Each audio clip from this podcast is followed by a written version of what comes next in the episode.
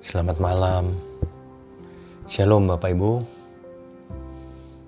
Malam ini coba kita introspeksi diri sebelum kita tidur. Apakah masih ada kesombongan dalam diri kita? Alkitab berkata, Tuhan membenci orang yang angkuh, sombong. Orang yang sombong adalah orang yang merasa tidak membutuhkan Tuhan. Orang yang sombong adalah orang yang merasa hebat.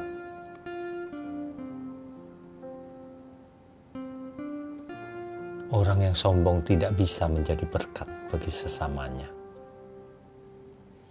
Itulah sebabnya. Mari kita lihat apakah masih ada kesombongan dalam diri kita. Mari kita tanggalkan kalau masih ada. Sebab kesombongan itu adalah awal dari kejatuhan. Dahulu ada makhluk surgawi yang sombong, ingin menyamai yang maha tinggi sehingga ia jatuh, dikutuk, dibuang ke bumi. Dan ia menjadi iblis atau setan hari ini. Itulah sebabnya kalau manusia itu sombong, sebenarnya ia sedang mewarisi spirit daripada si jahat itu. Kalau kita jujur ya, sebenarnya tidak ada yang bisa kita sombongkan. Apa sih yang bisa kita sombongkan? Apakah kekayaan? Kekayaan juga tidak akan dibawa mati. Apakah karena populer? Populer juga tidak selamanya, hanya periode tertentu saja setelah mati juga dilupakan orang. Apakah karena pandai?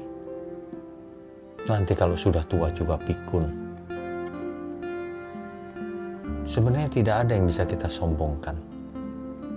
Semua yang ada di bumi ini, di dunia ini, fana atau sementara.